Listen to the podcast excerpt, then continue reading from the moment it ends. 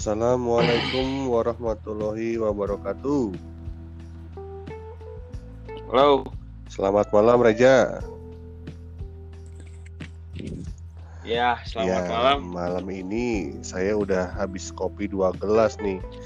Dan sekarang punya ngobrol sama Reza Surya Nugraha ya. Dipanggil Reza aja nih ya. saya ya. Saya kamu, saya manggil kamu Reza gimana, aja gimana? gitu ya. Reza, tolong iya, dong iya. Uh, bantu dulu sebelum kita mulai ngobrol. Uh, sekarang uh, kegiatannya apa? Apakah masih sekolah atau sudah lulus?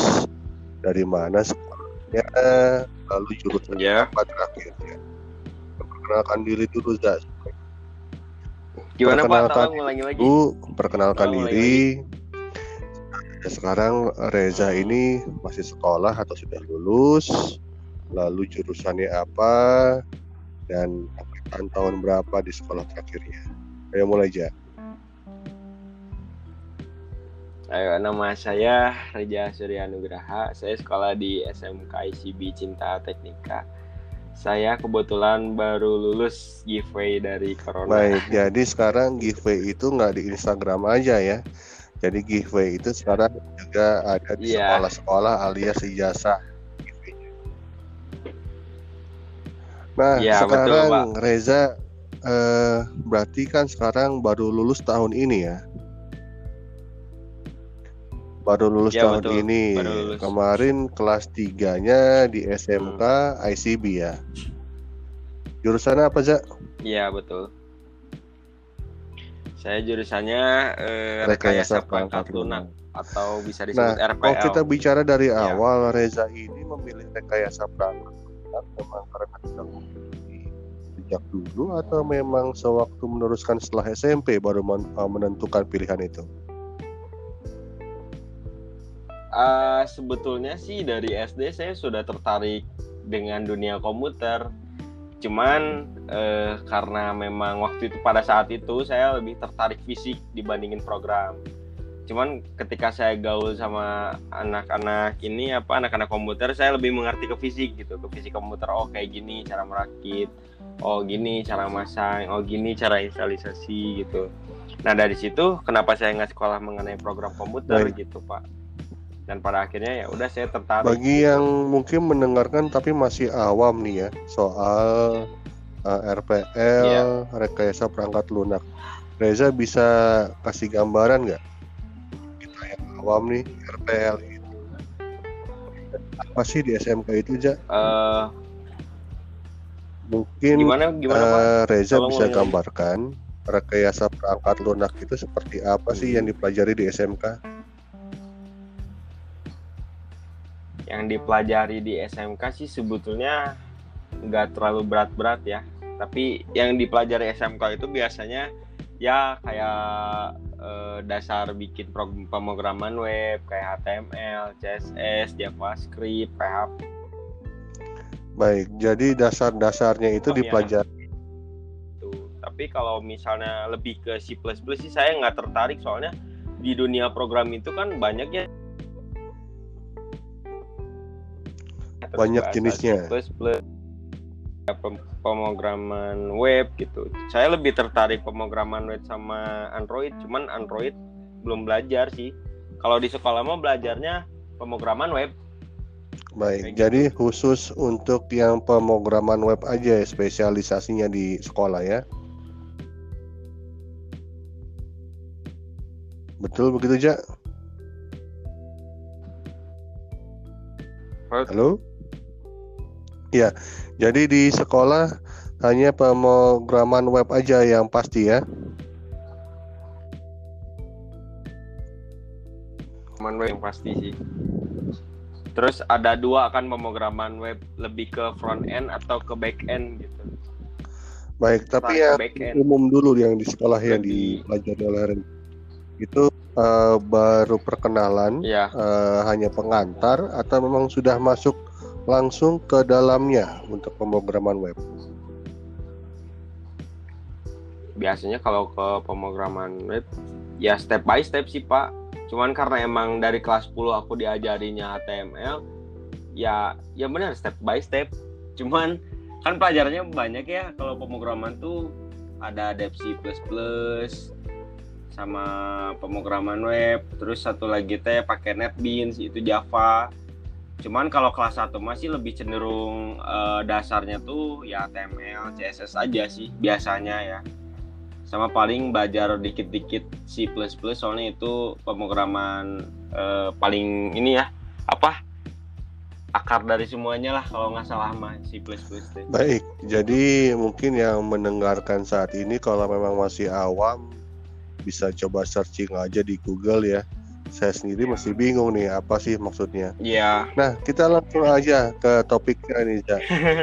Jadi dari kelas 1 mungkin yeah. kamu punya kakak kelas kelas 2 dan kelas 3 ya.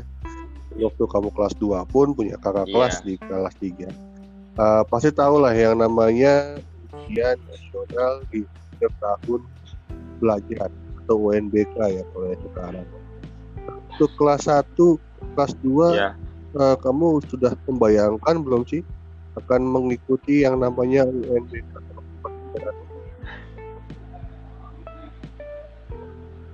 sudah sih pasti ngebayangin lah gitu. Kayak dari S apa? Sebelum SMP juga kan dari kelas 1 udah gimana ya kelas 3 ternyata kelas 3 sibuk gitu. Apalagi SMK gitu kan. Maksudnya gini kalau SMK sama SMA kan beda gitu. Kalau SMK lebih cenderung lebih apa ya ada dua apa ya gimana ya mikirnya? Jadi nggak satu gitu nggak cuma UNBK aja tapi sama Mujikom gitu. Terus gimana caranya? Kita tuh harus memanage waktu untuk mempelajari UNBK dan untuk mempelajari Ujikom itu yang sangat sulit untuk memanage waktunya gitu. Gimana caranya kita emang benar-benar konsisten gitu membagi waktunya gitu. Kalau menurut saya sih di situ sih kalau nah, SMK persiapan gitu. yang sudah kamu siapkan sebelumnya itu sudah mulai dari kelas 1 atau baru mulai sejak kelas 3 untuk UNBK Kalau untuk UNBK ya, aku nyiapinnya pas waktu ada pemantapan aja sih.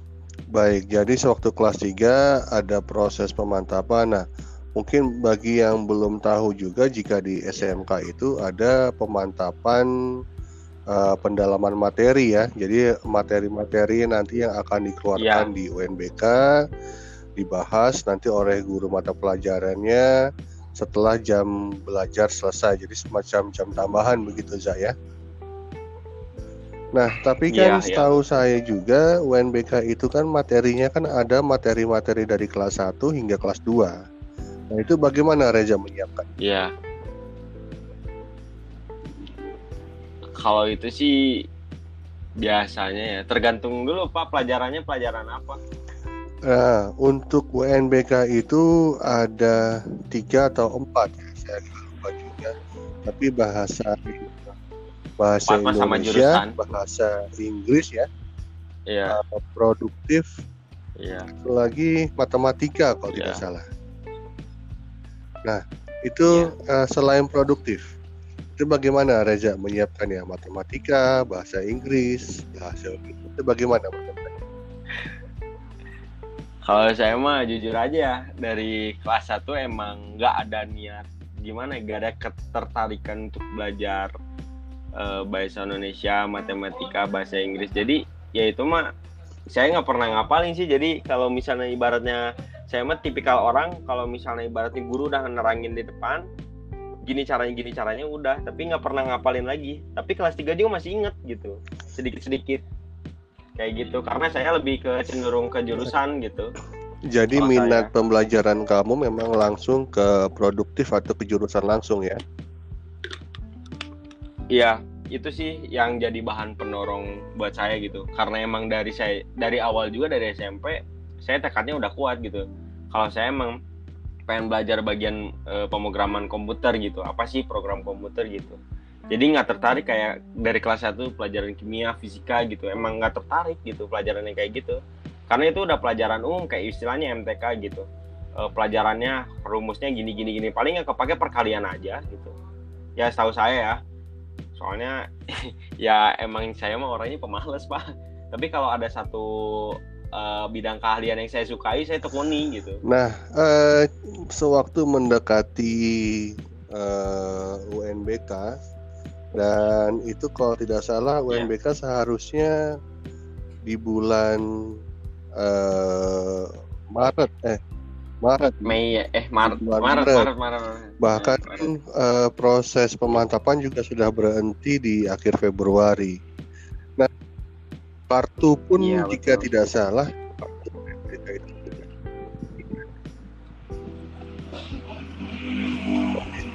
bentuknya, peraturannya itu juga sudah diterapkan. Nah, sewaktu tiba-tiba, iya, ya kita tidak menduga ya, ya, ya semua pada awalnya kan ini bahaya COVID-19 ini akan masuk ke Indonesia. Nah, bagaimana uh, iya. responnya atau bagaimana apa yang kamu lakukan pada sewaktu tiba-tiba uh, terdengar adanya virus COVID-19 ini, Ja?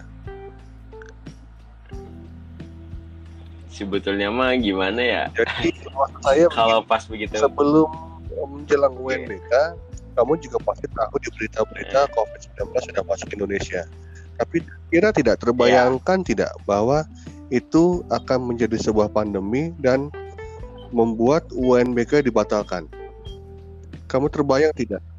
Enggak sih soalnya waktu itu tuh saya masih inget banget waktu uh, di tongkrongan anak-anak gitu. Kita tuh masih here-here gitu. Oh sih ini corona oh sih ini corona gitu. Tapi kita tuh nggak nyangka gitu bisa sampai segede ini gitu. Palingan ya udah daerah Jakarta ya daerah Jakarta aja gitu. Nggak daerah nggak nggak nggak bakalan sampai ke daerah Bandung. Ternyata setelah dua minggu kemudian saya kaget gitu. Bisa sampai besar gini bisa sampai kayak UNBK di stop gitu. Sekolah online gitu. Bener-bener nggak nyangka aja gitu jadi ya pelajaran yang saya ambil tuh jangan ngeremehin gimana ya jangan menyepelekan lah gitu segala hal yang emang dibilang kecil lah kayak gitu kalau menurut saya Nah, jadi Reza memang tidak meng, tidak membayangkan bahwa COVID-19 ini akan menjadi sebuah pandemi yang besar ya.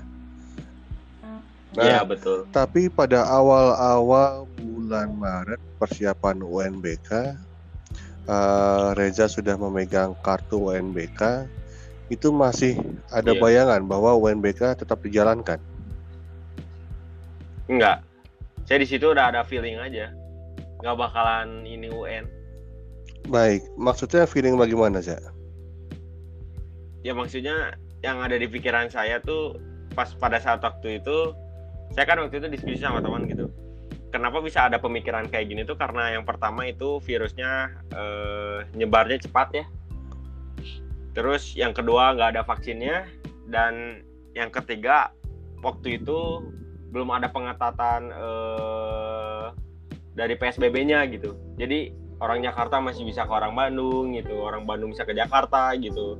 Dan sebaliknya kayak gitu. Jadi emang bener-bener eh, apa ya cepet gitu. Dan dari situ udah ada pemikiran kalau misalnya nggak diketatin di ibu kota gitu. Tidak kayak ibaratnya bandara masih buka gitu. Itu bakalan penularannya bakalan cepat gitu dan benar aja kan pas waktu pas besoknya mau UN akhirnya diberitain waktu itu teh e, karantina 14 hari kan waktu itu. Pas besoknya mau UN banget gitu.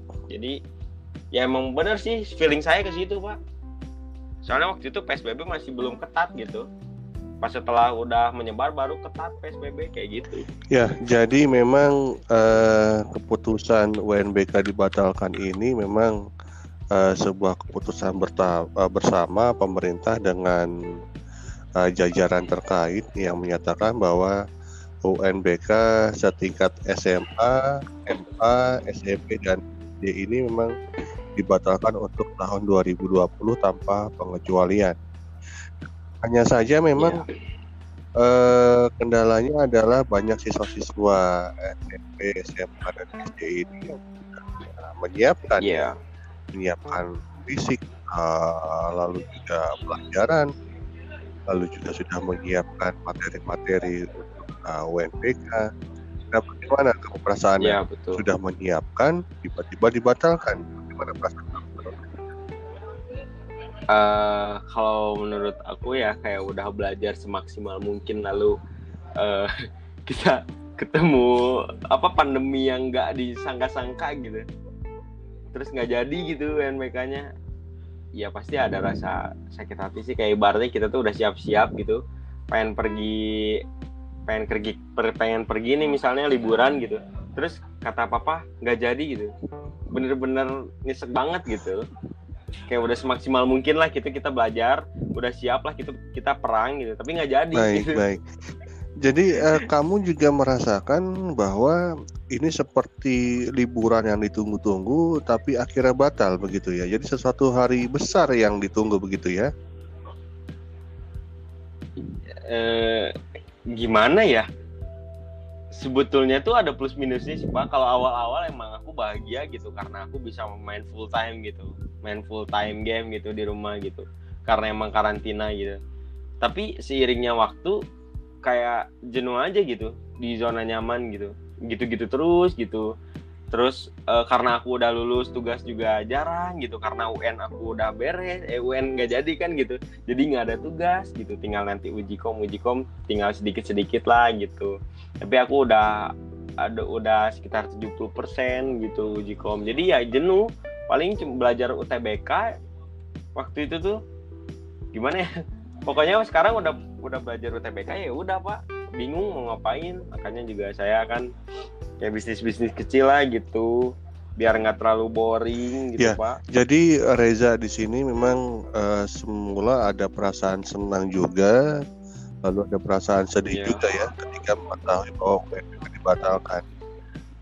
Uh, tapi ya. betul tidak ya? Memang ada beberapa orang yang mengatakan uh, kita sedang yang libur karena virus ini bertahan uh, satu bulan setelah itu akan jenuh karena sudah tidak ada kegiatan atau mengulang kegiatan yang sama setiap harinya. Nah, Reza sempat tidak ada merasa kejenuhan karena memang libur sudah lama, lalu tidak ada kegiatan yang harus dijalankan. Bagaimana sih? Kalau jenuh sih pasti apa ya, karena ini kalau dihitung-hitung lebih dari tiga bulan ya kalau nggak salah kita kayak gini terus deh kalau nggak salah ya tiga, lebih dari tiga bulan. Dan jujur aja emang jenuh aja aktivitas tuh yang asalnya emang gimana ya pola ke pola bukan pola kehidupan pola waktu gitu dari pagi gitu. Terus ke sekolah pulang sekolah terus ketemu sama temen terus tidur terus belajar malamnya terus tidur lagi gitu. Dan itu tuh bener-bener kangen kangen gitu. Kayak masa-masa itu tuh gitu masa-masa di mana capek masa-masa yang ngobrol sama temen gitu. Sekarang aja kayak mau bersosialisasi sama temen gitu. Kadang juga kayak ya ada yang parno ada yang biasa gitu kan. Jadi bener-bener kagok aja gitu. Ya mau gimana lagi berarti kita harus mengikuti protokol-protokol kesehatan kan. Terus kita juga harus beradaptasi dengan protokol-protokol tersebut gitu. Ya masih agak canggung lah gitu. Apalagi gimana ya pak? Pokoknya jenuh aja lah kalau sekarang mah nah, pengen sekolah lagi. Salah satu juga yang mendukung uh, kamu kejenuhan mungkin karena sewaktu libur di rumah itu banyak tempat-tempat uh, hiburan atau pem, uh, tempat uh, pusat ekonomi yang tidak berjalan sehingga memang uh, tidak tahu mau ke mana. Maksudnya biasanya suka kumpul di satu tempat, ternyata tempatnya sekarang ada apa namanya social distancing jadi mungkin tidak tidak bisa terbuka begitu ya iya Iya di di tongkrongan juga digerebek satpol pp nah, gitu betul betul betul betul nah sekarang memang yeah. saat ini memang mau tidak mau memang harus seperti itu karena saya perlu lihat berita saja tadi di WHO Badan Kesehatan tertinggi iya. dunia yeah. itu masih menyatakan belum ada hingga hari ini vaksin yang bisa mengobati COVID-19. Nah, bahkan COVID-19 yeah. itu iya. akan menjadi seperti demam berdarah atau penyakit HIV sekalipun. Jadi harus dihindari. Bukan ada pengobatannya, tapi harus dihindari. Nah, itu dia yang agak repot sekarang. Nah, tapi ya kita berharap lah semoga uh, nanti ada seperti jalan ya. Nah, nanti yeah. kondisi akan uh, kembali baik seperti semula insya Allah. Nah kita kembali lagi yeah. kamu menghadapi uh, eh, NBK yang dibatalkan uh, yang kamu lihat secara langsung, yang kamu rasakan secara langsung, bagaimana teman-teman kamu feeling kamu? Apakah memang ada yang sampai drop, maksudnya memang uh, kecewa sekali sampai kecewa berat, atau mungkin ada yang kebalikan ya? Bagaimana lingkungan kamu teman-teman kamu sendiri ya? Kalau teman-teman aku mah kan rata-rata cowok ya. Ya pasti mereka mah karena belajarnya tidak semaksimal mungkin jadi ya pasti ya malah seneng gitu. Kecuali kalau misalnya eh, kayak rata-rata gitu cewek gitu kan udah belajar maksimal gitu. Kalau biasanya kita cowok kaum cowok mah biasa aja gitu. Kecuali kalau UTBK ya biasanya UTBK mah benar-benar belajar gitu pak. Kalau menurut aku mah. Karena ini mah di lingkungan saya ya lingkungan jadi saya. kalau di ya nggak apa-apa. ya. jadi di lingkungan kamu yang uh, kebanyakan teman kamu ini kan sesama pria atau cowok ya. Jadi uh, biasa-biasa yeah, yeah. aja lebih banyak senang nggak mungkin dibandingkan iya. kecewanya ya? Seneng juga enggak sih pak, kecewa juga enggak. Soalnya karena yang pertama itu pas begitu UNBK gak ada kan sebetulnya itu tuh 14 hari itu bukan termasuk libur pak. Sama aja kayak kita tuh menjarain diri kita di rumah kita sendiri gitu. Jadi aktivitas kita tuh bener-bener drop gitu nggak cuma UN aja gitu. Aktivitas aktivitas aktivitas yang biasa kita kerjain tuh langsung ditutup gitu langsung gitu. Makanya dari situ ya pasti ada rasa kecewanya lah. Ada rasa tapi kecewanya bukan cenderung UN sih. Lebih ke aktivitas. Nah tadi di awal pembicaraan kita kan Reza bilang lulus dengan giveaway ya mau tidak mau karena kondisi saat ini adalah ya mendapatkan secara cuma-cuma. Kalau di bahasa Indonesia kan giveaway itu memang hadiah sebenarnya hadiah atau cuma-cuma. Iya, hadiah. Nah, bagaimana tanggapan kamu mengenai kualitas kelulusan tahun ini yang lulus secara giveaway di mana kualitasnya itu sangat jauh menurun dibandingkan lulusan tahun-tahun kemarin. Bagaimana menurut kamu? Aduh sebetulnya kalau misalnya ngomongin soal masalah kelulusan yang sekarang ya benar-benar drop sih kalau menurut aku. Benar-benar menurun drastis gitu dibandingin. Benar kata pokok benar-benar menurun drastis dibandingin tahun kemarin gitu. Karena sekarang tuh kita tuh benar-benar apa ya ya benar-benar ada di zona nyaman gitu. Benar-benar aja di zona nyaman. Dan kalau misalnya ada orang yang kayak teman-teman aku gitu circle aku kalau orangnya dia nggak mikir mah ya udah aja. Dia betah di zona nyaman itu gitu rebahan kerjaannya tuh. Nggak mikirin gitu ke depannya tuh gimana gitu. Kita tuh kuliah tuh gimana sih gitu. Terus kalau misalnya bagi yang kerja ini kerja gimana ya? gitu. Kalau bagi kaum yang yang suka di zona nyaman gitu.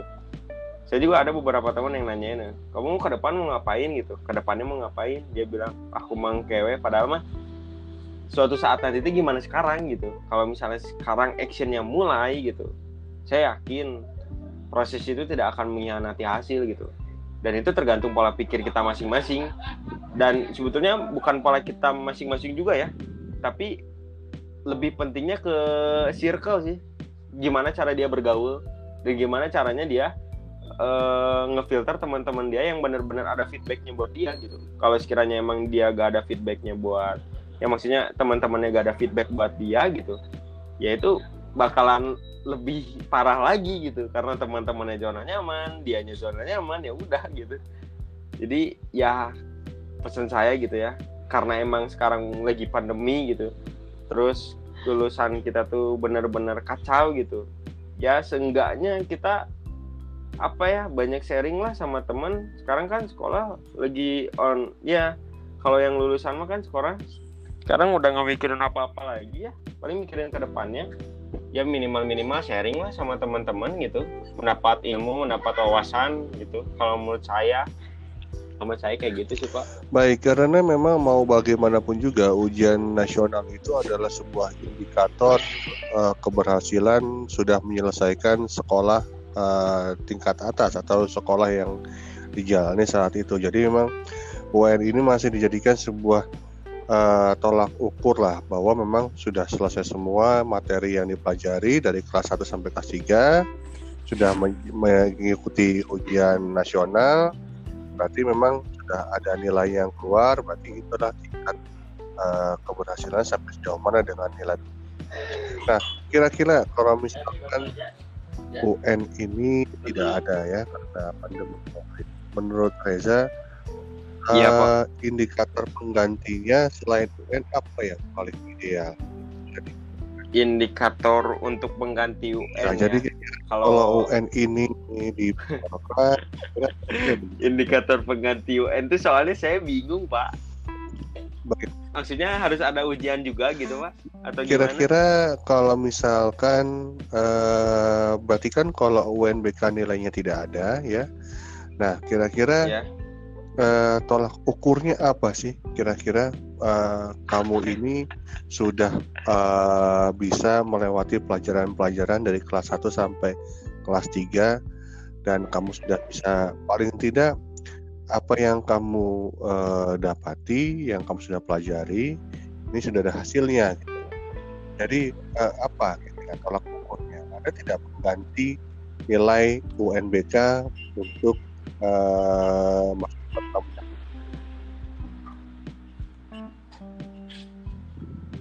Hmm, kalau saya ya, apa ya tolak ukurnya? Soalnya saya bingung pak, kalau misalnya ngomongin UNBK, saya bener-bener jujur aja, saya awal SMK tuh udah ngedengerin UNBK sama Ujikom, saya lebih memilih Ujikom dibandingin UNBK gitu. Tapi kalau misalnya ditanya mengenai tolak ukur, saya bingung juga gitu. Kalau mengenai tolak ukurnya gitu, karena sekarang kan eh, pasti kan yang namanya UNBK itu kan ibaratnya gini kita udah belajar dari kelas 1, kelas 2, terus Iya, kelas betul. 3 gitu. Otomatis ada testingnya kan ya Pak ya? Bener kan? Makanya ada UNBK gitu. Nah, UTBK pun segimanapun kondisinya tetap harus datang ke universitasnya gitu. Nah, kalau saya mah gimana ya? Nggak akan mungkin sih UNBK gitu. Terus di onlinein gitu, nggak akan mungkin itu bakalan banyak banget celah-celah nyonteknya gitu. Biasakan searching ke Google gitu. Tapi kalau menurut saya masih UNBK bisa aja setelah zona hijau gitu dilakuin gitu. Karena ya UTBK aja mau gimana pun kondisinya gitu, segimanapun parah kondisinya tetap aja melakukan UTBK gitu dengan tertib, dengan mengikuti protokol-protokol kesehatan gitu. Bukan dalam Iya, arti iya, saya iya. setuju UNBK ya Pak, Baik, karena karena saya sudah stres ini. eh, Menteri Pendidikan Pikiran kita gitu. ini ada istilah memerdekakan UN tahun ini. Nah, digantinya itu dari nilai rapot akhirnya. Jadi rapot ini eh, diambil dari beberapa Nah, iya. semester terakhir. Kira-kira menurut kamu ya, kan kalau rapot itu dari semester-semester akhir mungkin ada saatnya kamu nilainya bagus, Gimana Pak? kamu nilainya kurang. Nah, apakah bisa kira-kira menurut kamu nilai raport itu bisa menggantikan nilai UNBK? Kalau nilai rapot bisa menggantikan untuk UNBK ya. Iya, eh, jadi begini ya, contohnya ya. Misalkan semester ini kamu nilainya tidak baik karena eh, tidak fokus mungkin pada waktu itu. Tapi ada kalanya Itu kamu sedang dari- fokus, dari jadi nilainya baik. Nah, eh, perbedaannya kan kalau UNBK kan mau nggak mau kamu harus fokus. Nah, pertama adalah kamu setuju atau enggak nilai UNBK itu diambil dari nilai raport. Setuju sih. Alasannya itu.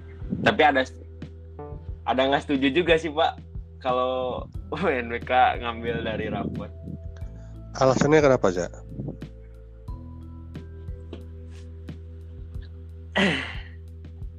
Aduh bingung eh takut teman-teman saya ngedengar Nggak Pak. apa-apa, kita kan sharing santai ya. Toh juga nih eh, kita sudah memasuki tahun ajaran baru sekarang 2020 2021. Nah, Iya. kamu untuk lulusan 2020 ya kita kita ngobrol santai aja lah di di, di podcast saya tidak ada batasan atau eh, limit ya kecuali yang mungkin terlalu menyudutkan salah satu pihak.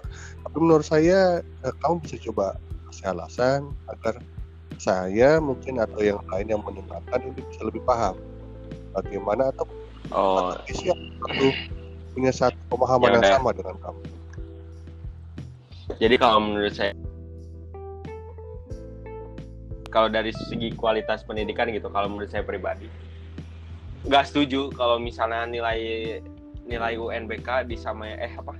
Tadi teh nilai UNBK di ini dari nilai rapot gitu. Karena ya setahu saya gitu kalau nilai rapot itu kan berarti guru yang nilai kan. Guru di sekolah aja gitu yang nilai dan nilai itu pun mm, pasti ada tambahan-tambahan dari mulai sikap atau perilaku atau apa pun itu gitu. Tapi kalau misalnya UNBK ini kan lebih cenderung kayak baratnya guru tuh gimana caranya guru kan eh, ngajarin kita nih gini gini gini gini gini nih baru tes gitu.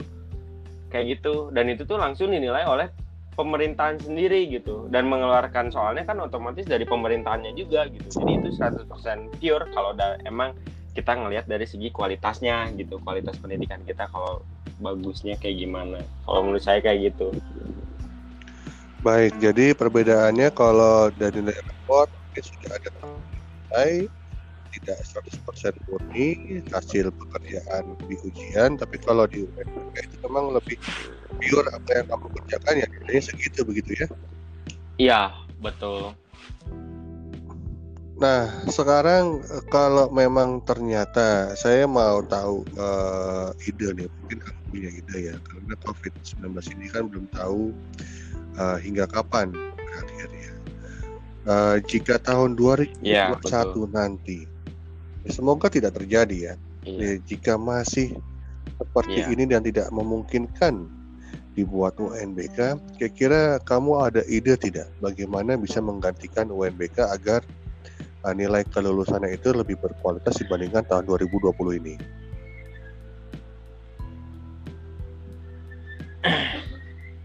Kalau misalnya untuk langsung ke UNBK gitu ya, maksudnya untuk dari kelas tiga iya, sekarang ya, jadi gitu. misalkan kasih gas sekarang nih tahun 2021 biar ya. kualitas UNBK-nya ya, bagus jadi atau paling gimana, jika Pak? seandainya nanti tahun 2021 UNBK-nya dibatalkan juga misalkan ya nah kira-kira kamu bagaimana apakah ada ide uh, supaya ternyata nilainya itu tidak diambil dari nilai raport apakah ada ujian-ujian lain atau bagaimana menurut kamu uh, kalau menurut saya mah tapi bentar ini SMA atau SMK? Uh, eh, setara SMA lah, karena kan kamu SMA, SMK ya hampir setara ya maksud saya. Ya bagaimana menurut kamu uh, untuk lulusan nanti tahun 2021? Kalau misalnya menurut saya mah gitu ya. untuk UNBK sih kalau menurut saya harus sih untuk kualitas pendidikan sih tapi balik lagi gitu kalau sekiranya emang UN diadain tapi sekarang tapi Januari katanya udah normal ya Ya, kalau, kalau memang ternyata kondisi uh, yang terinfeksi jauh lebih menurun, ya pasti akan di Jawa Barat, Kota Bandung, karena kan setiap kota itu berbeda. Nah, bisa saja kembali normal, prediksinya uh, Pak Ridwan Kamil memang mengatakan Januari, tapi kita belum tahu bagaimana sih. Kalau menurut saya misalnya seandainya nih ya, mitamit misalnya Januari masih tetap online gitu.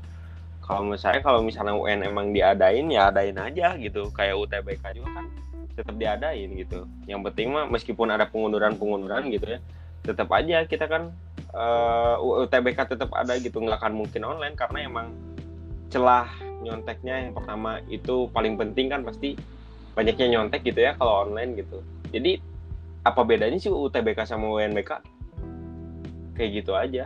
Kalau kalau kita ngelihat dari kualitas pendidikan gitu ya mending adain aja UNBK tapi kalau sekiranya emang kondisinya masih kayak gitu masih tetap kayak gitu ya udah mengikuti aja protokol-protokol kesehatan kayak social distancing, pakai face shield, pakai masker, bawa hand sanitizer gitu. Baik. Terus bawa sarung tangan gitu. Adain aja cuman palingan yang bedanya dari dulu sama dari segi ngebagi siswanya, ngebagi sesinya gitu. Yang biasanya satu kelas ini diisi uh, 24 jadi 12 gitu jalannya satu meter satu meter satu meter kayak gitu. Ya, jadi memang ujian tertulis berbasis komputer atau UTBK untuk yang SBMPTN kemarin memang tetap dijalankan ya. Mungkin yeah. ya kita harapkan kalau memang sampai paling buruk ya kondisi tahun 2021 seperti ini, ya pemerintah harus membuat sistem baru ya uh, menggunakan shift mungkin ya untuk main BK-nya atau memang yeah, lebih prepare pasti. lagi. Baik. Iya. Jadi saat ini Reza sudah selesai, uh, tinggal menunggu ijazah. Uh, ingin meneruskan ke mana selain ijazah? Apakah ada tempat pendidikan selanjutnya yang ingin dituju atau ingin ada rencana yang lain, Za? Ada sih, saya pengen masuk ke Unpad. Terus kalau nggak ke Unpad tuh ada saya ada dua pilihan, Unpad sama UIN. Terus swastanya Unikom. Baik. Kayak gitu. Amin. Semoga apa yang Reza rencanakan ini jalan dan memang sesuai yang Reza harapkan ya. Iya, amin amin. Dan amin. terakhir Za, eh, Iya. karena untuk adik-adik kelas Reza sekarang yang kelas 3, yang kelas 2, yang kelas 1 ini apakah ada tips atau motivasi dalam mengikuti pembelajaran jarak jauh saat ini yang sedang dijalankan oleh sekolah? Nah, kalau misalnya untuk gitu mah ya karena kebetulan saudara saya juga dia kelas 2 eh banyakin kumpul-kumpul gitu. Sekarang kan udah new normal ya. Banyakin lah nongkrong-nongkrong sama teman-teman yang ada feedbacknya buat kita, yang sejurusan sama kita, yang bisa ngebantu di mana kita lagi kesulitan ngerjain tugas juga gitu. Jangan cuman kayak ibaratnya eh, main game terus keluyuran ke sana ke sini gitu. Kalau menurut saya sih sekarang lebih harus diprioritasin dulu gitu pendidikannya kayak gimana. Soalnya kan orang tua juga kan bayar sekolah tetap gitu ya. Jadi ngebuntang banting sana sini gitu buat bayar sekolah. Jadi ya kita harus ada gimana ya? Harus berterima kasih lah gitu pada orang tua gitu. Orang tua udah eh, buntang banting nyari uang gitu. Nah gimana nih caranya gitu kita kayak terima kasih tuh nggak cuma lisan doang gitu, tapi kita harus ada actionnya. Nah actionnya gimana? Ya udah kita keluar dari zona out of the zona nyaman gitu. Gimana caranya kita cari circle-circle yang benar-benar ada feedbacknya gitu doang sih kalau menurut saya. Dan ingat di masa muda ini di pergaulan di Bandung ini gitu ya, kita harus benar-benar bisa ngejaga diri lah gitu. Kayak kita tuh meskipun kayak kata orang baong atau apa pun itu pendapat mereka apa pun itu mengenai kita negatif yang penting pola pikir kita mindset kita tetap punya prinsip yang benar-benar kuat gitu. Karena kalau menurut saya eh, pergaulan ini sebetulnya bukan karena ada rem gitu. Karena ada rem gitu kita bisa ngebatas. Kalau rem ada blongnya tapi apa pondasi yang kuat itu yang paling penting di pergaulan kalau menurut saya. Kayak Baik, gitu, jadi kalau saya simpulkan memang uh, apa PJJ ini atau pembelajaran jarak jauh ini memang diminta atau diinstruksikan dari Dinas uh, Pendidikan Kota hanya 40 menit. Jadi memang uh, menurut Reza tidak uh, tidak cukup uh, dari PJJ saja. Jadi paling tidak kita dari teman atau rekan-rekan yang bisa membantu dalam pembelajaran gitu ya. Jadi ya. uh, paling tidak uh, kita kumpul atau kita berkumpul uh, tetap dalam protokol kesehatan itu ya. dalam sisi yang positif tujuannya gitu ya. Iya. Soalnya gini Pak, sekarang ya kayak dulu saya gitu pernah ngalamin bolos gitu, terus belajar, tetap saya gitu meskipun bolos belajar di luar gitu. Sekarang tuh kurang gimana gitu. Sekarang udah new normal, tinggal pakai masker keluar gitu terus misalnya bagi anak-anak IT gitu anak-anak RPL gitu bawa laptop ke sharing sama temennya ke ngerjain bareng udah kurang enak gimana gitu pak? Kalau menurut saya pribadi ya gitu. Kalau jadi mereka gitu karena saya sekarang udah lulus gitu jadi emang nggak ada kerjaan sama sekali gitu. Kalau menurut saya emang itu udah enak udah enak banget gitu. Baik jadi walaupun tidak sekolah tapi tetap judulnya bolos saja ya ya udah. Mungkin ini salah satu yang tidak perlu ditiru sama yang adik-adik kelas kamu. Oh iya, ya? jangan Jadi, ini jangan. benar-benar jangan ditiru. Walaupun tidak sekolah tapi belajar tapi judulnya tetap polos jangan. Mending jangan itu adegan Mending hanya ditiru oleh profesional. Pelajaran selesai begitu ya saya. Iya. Baik Za, kita akhiri ngobrol santai kita hari ini. Semoga Reza iya. selalu dalam keadaan sehat ya. Iya, amin. Baik. Bapak juga ya. Ya, terima kasih ya. Sampai bertemu lagi dengan podcast saya di episode berikutnya. Terima kasih sudah ya, mendengarkan. Apa pun kendalanya, apa pun masalahnya, akan ada solusi untuk memecahkan uh, suasana kita dalam keadaan dalam keadaan sehat. Terima kasih. Assalamualaikum. Amin. Waalaikumsalam warahmatullahi wabarakatuh.